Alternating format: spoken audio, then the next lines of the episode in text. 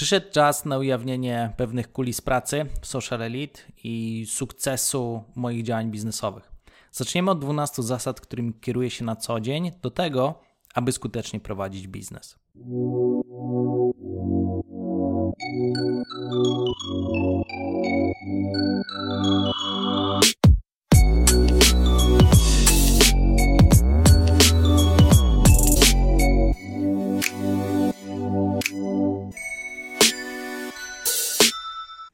Cześć, witajcie. 35 odcinek podcastu. Dzisiaj, po zakończeniu bardzo mocnej serii sprzedaży B2B, czas na troszkę zmianę tematu, na powiew świeżości i na zupełnie inny kontekst, czyli pokazanie Wam, opowiedzenie, jak pewne rzeczy realizuję od środka w biznesie, aby rzeczywiście z głową, krok po kroku, z miesiąca na miesiąc, z roku na rok móc ten biznes dobrze realizować. I nagrywam ten odcinek Również z jednego bardzo ważnego powodu, powodu, który obserwuję bardzo mocno w praktyce. Jeżeli chodzi o to, co dzieje się w ciągu ostatnich 12-24 miesięcy, to już jest totalny absurd, a powiedzmy, tendencja utrzymuje się przez ostatnie dobre 10-15 lat. O czym dokładnie mówię?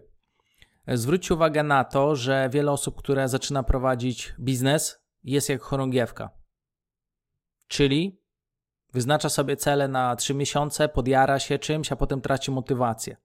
Ostatnie dwa lata to już chorągiewki w trakcie huraganu, gdzie co w zasadzie kilka sekund chorągiewka dynamicznie wieje, obraca się w zupełnie inną stronę. I kiedyś czytałem, y, jak ludzie osiągają sukces. Czytałem, dlaczego ludzie osiągają sukces, dlaczego tak niewiele osób osiąga sukces, a dzisiaj z perspektywy swoich już ponad 15 lat kariery biznesowej w prowadzeniu firmy, widzę na własne oczy z perspektywy czasu, dlaczego tak jest. I dzisiaj też powiem Tobie, co odróżnia mnie w prowadzeniu na przykład firmy od innych osób, które prowadzą firmę, e, jakimi zasadami się kieruję, co dały mi te zasady z perspektywy czasu oraz które z nich możesz przełożyć na przykład do swojego życia, jeżeli oczywiście będziesz tego chciał. Zobaczysz też, że moje działanie bardzo różni się od tego porównania chorągiewki do wielu przedsiębiorców, którzy chwycili się za modę tworzenia własnej firmy produkcyjnej, usługowej czy e-commerce'owej i zobaczysz, jak w praktyce e, to wszystko wygląda. W takim razie zaczynajmy. Zasada numer jeden. Biznes robię dla rozwoju własnych kompetencji. Być może zdziwi Cię trochę to, co teraz powiem, e, ale ja wszystkie elementy działania biznesowe, które zaczynam, przede wszystkim robię po to, aby móc rozwijać swoje własne kompetencje. Zajarałem się nauką w wieku lat 12-13 i od tamtej pory kontynuuję ten nawyk, aby stale się uczyć, aby stale rozwijać własne kompetencje i na przestrzeni lat otrzymuję bardzo dużo propozycji biznesowych, które odrzucam tylko dlatego, że albo dany projekt biznesowy jest po prostu za łatwy do realizacji, albo robiłbym coś, co w kółko umiem robić, a niekoniecznie chcę robić, albo po prostu zadania by mnie nudziły. I w związku z tym, jeżeli nie widzę możliwości rozwoju własnych kompetencji, wyzwań, jakichś trudności, rozwiązywania skomplikowanych działań, to robienie biznesu nie ma dla mnie najmniejszego sensu.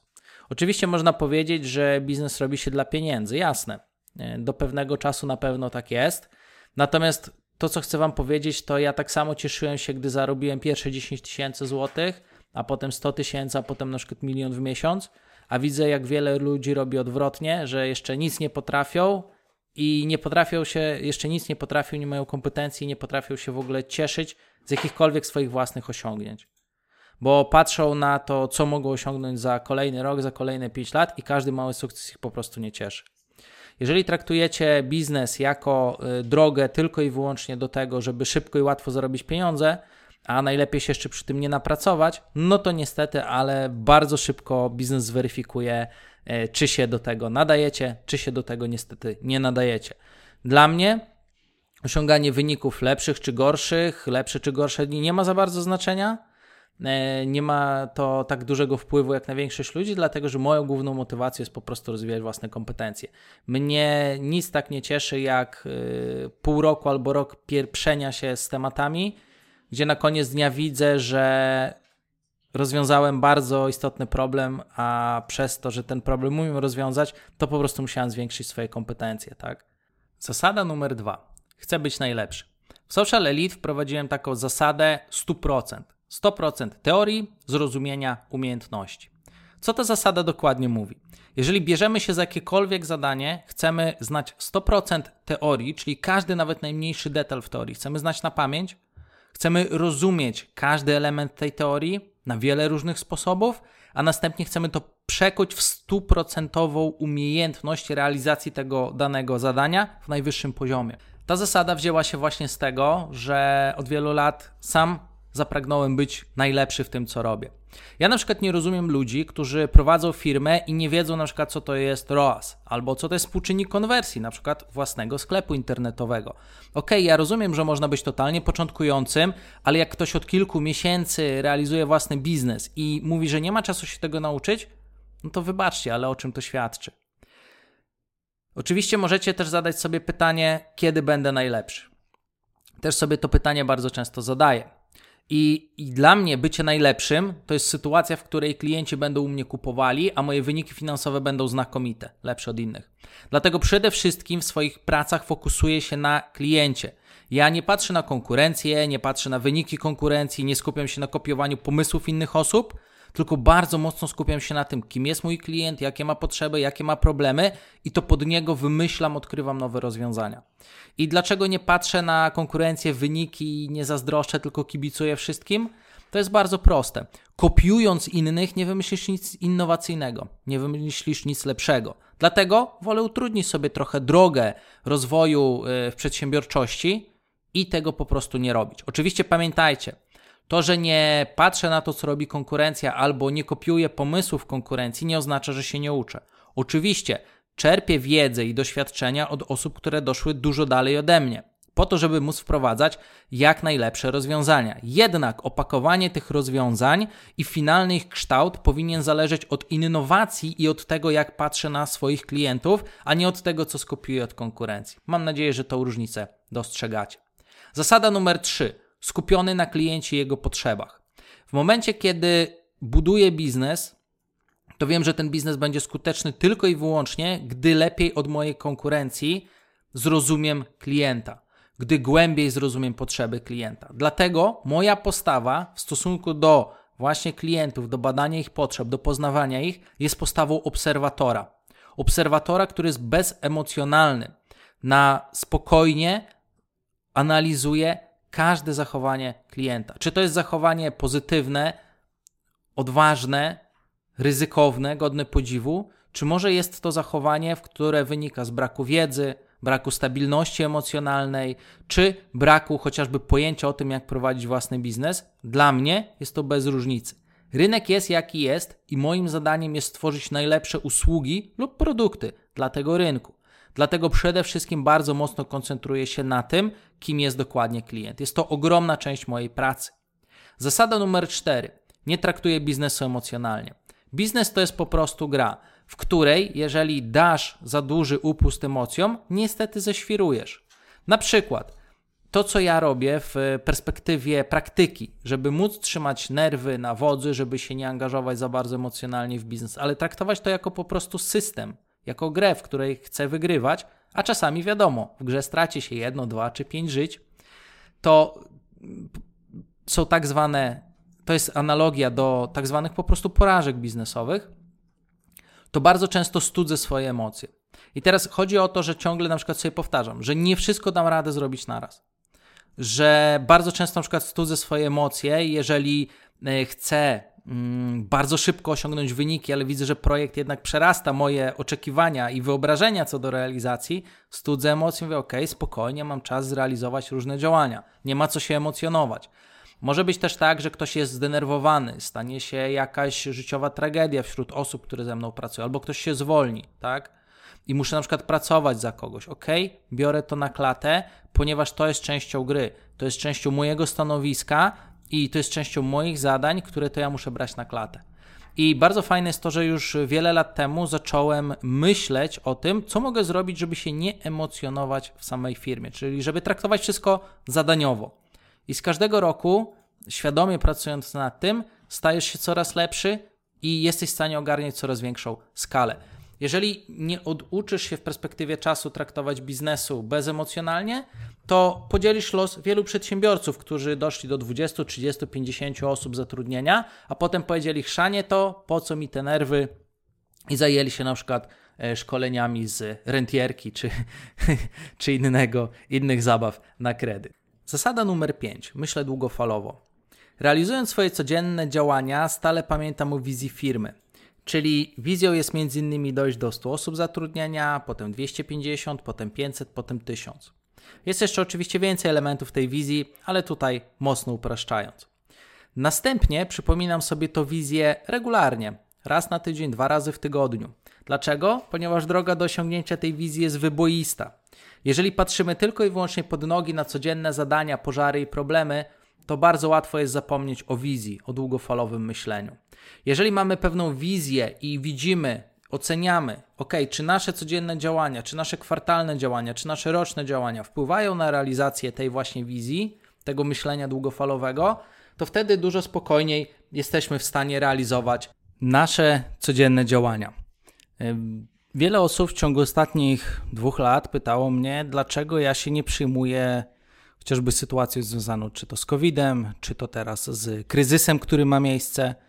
Ja zawsze odpowiadałem na to następujący sposób, bo ja już w tym momencie skupiam się na tym, żeby moje działania, które będę podejmował, zaowocowały w 2024 czy 2025 roku. Czyli ja nie skupiam się na tym, co będę robił za tydzień, nie skupiam się na tym, co będę robił za miesiąc, bo już to dawno mam zaplanowane i często działania, które dzisiaj przynoszą efekty, były wdrażane rok czy półtory roku temu. I kiedy ja wiem, bo mam bardzo dobrze wszystko poplanowane, przemyślane, e, co mam robić, to ja już nie żyję swoimi planami w 2022 roku, tylko w 2022 roku już pracuję na to, co będzie w 2024 roku.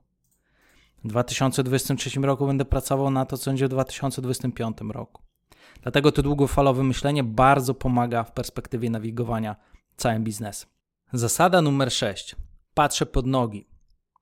Ludzie, którzy tylko i wyłącznie skupiają się na wizji, nie patrząc na to, co się dzieje pod ich nogami, niestety w pewnym momencie albo osiągają spektakularny sukces, albo są odklejeńcami, których działanie w żaden sposób nie pokrywa się z realiami, chociażby rynku, czy kraju, czy rzeczywistości, w której się poruszają.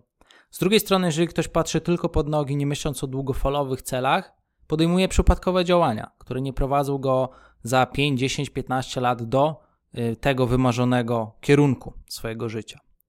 I teraz, oprócz tego, że myślę długofalowo, każdego dnia przede wszystkim bardzo dużą uwagę skupiam na tym, żeby patrzeć pod nogi, czyli na bardzo dobrej organizacji swojej codziennej pracy.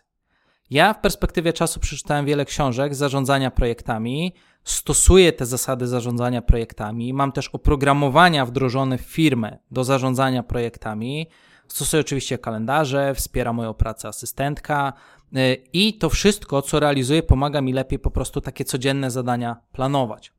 Ja jestem bardzo skrupulatny w realizacji swoich zadań, planów, w tym, żeby wszystko spisać, żeby też ze skrupulatnością to wszystko sprawdzać, weryfikować, po to, żeby to po prostu dobrze działało, żeby tydzień po tygodniu zadania całej organizacji w kierunku realizacji tych wizji, tego długofalowego myślenia po prostu szły do przodu. I połączenie jednego i drugiego, zasady numer 5 i 6, pozwala mi dobrze nawigować całą firmą i co istotne, pozwala mi zachować pewien porządek, pewną procesowość e, w codziennych działaniach i w sposób zaplanowany, w sposób profesjonalny, krok po kroku dociągać sprawy do końca przy jednoczesnym realizowaniu wizji firmy. Zasada numer 7. Wymagam. Przede wszystkim w swojej codziennej pracy skupiam się na tym, aby patrzeć na detale, aby nie odpuszczać niczego, co jest niedopracowane i aby dopracowywać to z biegiem czasu. Bo oczywiście nie wszystko jest idealne na początku. To jest normalne.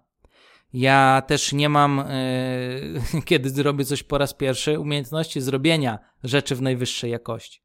Ale jeżeli dostaję rzeczy, prace, które są nie w najwyższym poziomie wykonane, to nie mam skrupułów, aby cały czas je poprawiać i dopracowywać. Nie mam skrupułów też, aby na przykład przez 6 miesięcy dopracowywać jeden element firmy, poprawiać go po 5, 10, 15 razy. Wiele osób poddaje się po pierwszym razie albo puszcza prace, które są po prostu słabe. W konsekwencji dopuszczają się do sytuacji, w której te prace nie przynoszą żadnego efektu. Pamiętajcie, jeżeli będziecie realizować słabe prace, słabej efektywności zadania, to nigdy nie uzyskacie ponadprzeciętnych wyników. Dlatego warto wymagać. Zasada numer 8. Nie odpuszczam. Nie odpuszczam, dopóki nie uzyskuję wybitnego wyniku. Bardzo łatwo jest uzyskać rezultat i powiedzieć: OK, zadanie jest wykonane. Po czym po prostu ruszyć dalej do realizacji kolejnych zadań, bo przecież dupa się pali, trzeba jak najszybciej robić kolejne zadania. Jednak wiele osób nie zdaje sobie sprawy z tego, że jakość wykonania danego zadania jest też bardzo istotną sprawą, w szczególności jeżeli dane pomysły docierają do większej skali. Czy wyobrażacie sobie producenta filmów albo producenta muzycznego, który po prostu wypuszcza dużo piosenek, które są słabe, albo producenta filmowego, który wypuszcza dużo filmów, filmów które są niedopracowanymi gniotami? Lepiej jest wypuścić jeden film czy jeden utwór muzyczny, który będzie najwyższej jakości, który okaże się hitem i cały świat się o nim dowie, niż wypuścić 100 piosenek czy 100 filmów, które po prostu będą gniotami, nikt tego słuchać czy oglądać nie będzie. Bardzo podobnie ja w biznesie e, realizuję działania. Nie odpuszczam, dopóki nie uzyskuję wybitnego wyniku. Czasami wolę, żeby jakiś projekt ukazał się pół roku później, ale był dopracowany, niż żeby była sytuacja, w której puszczamy projekt i on się do niczego nie nadaje. W przypadku, jeżeli realizuję usługi i chcę wdrożyć nowe działania, oczywiście nie chodzi o to, żeby od razu zrobić y, produkt finalny, tak, czy usługę finalną, Chodzi o to, żeby na każdym elemencie realizacji działania, czy mamy prototyp, czy mamy fazę testów, zderzenia z rynku, tak, z rynkiem, czy mamy już e, fazę rozwoju poszczególnych e, opcji danej usługi czy produktu, niezależnie od tego, na jakim etapie jesteśmy, chcemy doprowadzić projekt do po prostu wysokiego wyniku. A kiedy już doprowadzimy go do wysokiego wyniku, to chcemy zrobić to jeszcze lepiej. Podam Wam przykład. E, od półtory roku cały czas pracujemy nad tym, żeby usprawnić raporty. Najpierw zrobiliśmy pierwszą wersję raportowania w reklamach, była świetna, działała, klienci byli zadowoleni. Co zrobiliśmy? Zrobiliśmy kolejną wersję, lepszą. Klienci byli jeszcze bardziej zadowoleni. Co zrobiliśmy? Zrobiliśmy jeszcze kolejną wersję, trzecią. Były wspaniałe raporty. Raporty zaczęły już przeganiać to, co rynek oferuje. I co zrobiliśmy? Zaczęliśmy szukać sposobu i formy realizacji, która będzie jeszcze lepsza. Więc stałe dążenie do wybitnego wyniku, nieodpuszczanie jest kwestią tutaj kluczową na wielu różnych płaszczyznach. Zasada numer 9. Płacę za błędy. Jako szef firmy wiem jedno: nie szukam sprawiedliwości, ani nie rozliczam tego, a bo ten zrobił to, a ten tamto, a ten wiedział, a tamten nie wiedział. Ja nie mam na to czasu. Najważniejsze dla mnie jest to, że zaakceptowałem fakt płacenia za błędy. I dzięki temu, że płacę za błędy, to za każdym razem, gdy te błędy występują, moim zadaniem jest wprowadzić procesy i dopilnować, żeby te błędy się nie powtarzały. powtarzały. W końcu, kto z nas chciałby nieustannie płacić za błędy w kółko te same? Zasada numer 10. Odpowiedzialność. Ponieważ to ja pracuję na najwyższym stanowisku, ponoszę odpowiedzialność za wszystko. Nieważne, czy to się dzieje na stanowisku entry level, tak, czy mamy praktykanta, czy to się dzieje na stanowisku e, seniora, czy specjalisty, czy to się dzieje w dziale sprzedaży, czy na szczeblu menedżerskim. Wszystko, co się dzieje w firmie, to jest moja odpowiedzialność. A ponieważ prowadzenie biznesu to jest pewnego rodzaju gra, to jeżeli do, widzę sfery biznesu, w których ta odpowiedzialność nie jest realizowana w najwyższych standardach, to po prostu wchodzę w tą sferę biznesu Patrzę, jak mogę je usprawnić. Część rzeczy robię sam, część rzeczy deleguję i finalnie chcę doprowadzić ten dany element do najwyższego poziomu. Dzięki temu, że biorę odpowiedzialność za wszystkie elementy, jakie dzieją się w firmie, jestem w stanie świadomie pracować nad tym, żeby je ulepszać. I zasada numer 11. Moja praca polega na rozwiązywaniu dużych problemów. Wielu właścicieli firmy chciałoby problemy cedować na swoich pracowników żeby to oni rozwiązywali wszystkie problemy, nawet te trudne, do których oni nie mają kwalifikacji ani kompetencji, żeby je rozwiązywać. Ja natomiast yy, rozumiem to troszkę inaczej. moje życie na tym etapie nie polega na tym, żebym siedział, delegował zadania i patrzył, jak firma rośnie. Wręcz przeciwnie. Moim zadaniem jest wyszukanie dużych problemów w firmie. Dużych problemów, które chcemy rozwiązać, żeby móc na przykład uruchomić nową usługę albo tworzyć nowy segment do, dochodu w firmie.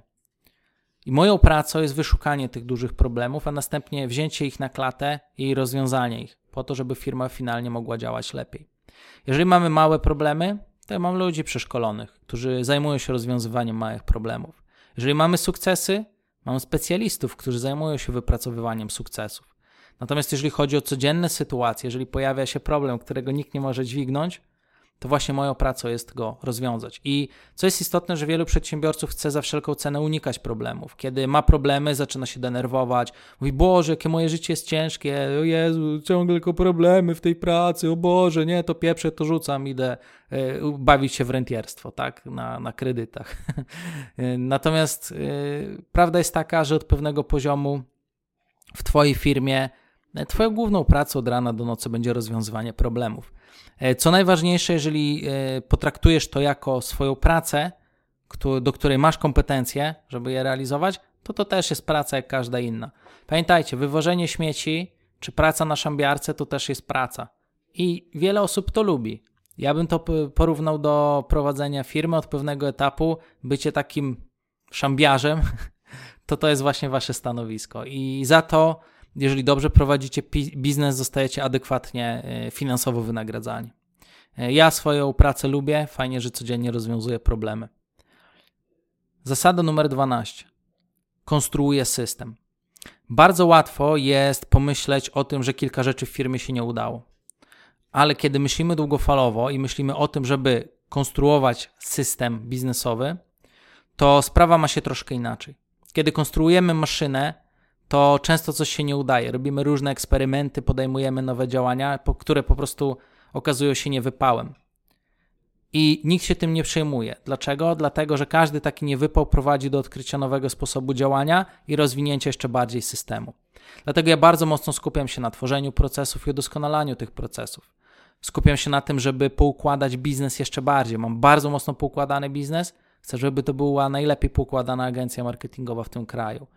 Y, i chcę doprowadzić do sytuacji, w której jeżeli bym umarł, to firma będzie dalej działać. Jak to omawiamy w firmie, nieważne co się dzieje, karawana jedzie dalej. I łącząc to właśnie z punktem y, pierwszym, że podejmuję działania biznesowe po to, aby się rozwijać, to daje mi bardzo dobre pole do popisu. Bo z jednej strony chcę skonstruować duży, dużą maszynę biznesową, która będzie sprawna, wydajna, zoptymalizowana, będzie zarabiała bardzo duże pieniądze, a z drugiej strony moim głównym celem jest się rozwijać.